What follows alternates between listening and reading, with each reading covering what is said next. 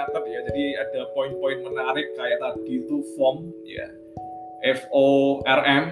Kalau kita sharing gimana caranya untuk supaya punya yang namanya topik pembicaraan ya kita bisa menggali kesukaannya orang, interestnya orang di bagian mana itu dengan namanya teknik form ya FORM tadi juga dibahas ya family dari keluarga. Keluarganya gimana? Kita bisa tanya keluarganya gimana orang tuanya gimana ya. Anaknya sudah berapa.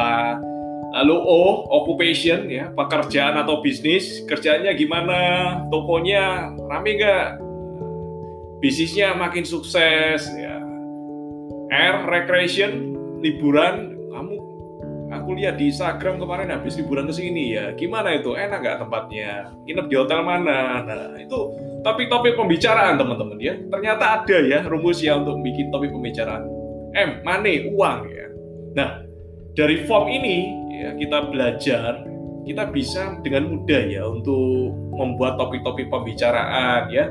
Supaya tujuannya satu ya supaya partner ya atau calon partner kita itu lebih open ya lebih open ya. Dan akhirnya lebih kenal lebih enak. Nah yang namanya logika ini kan mengalahkan emosi teman-teman ya. Jadi kalau udah ada ikatan emosional itu kita lebih mudah untuk closing teman-teman ya. Jadi silakan ya teman-teman praktekkan. Saya sendiri juga akan praktek ya.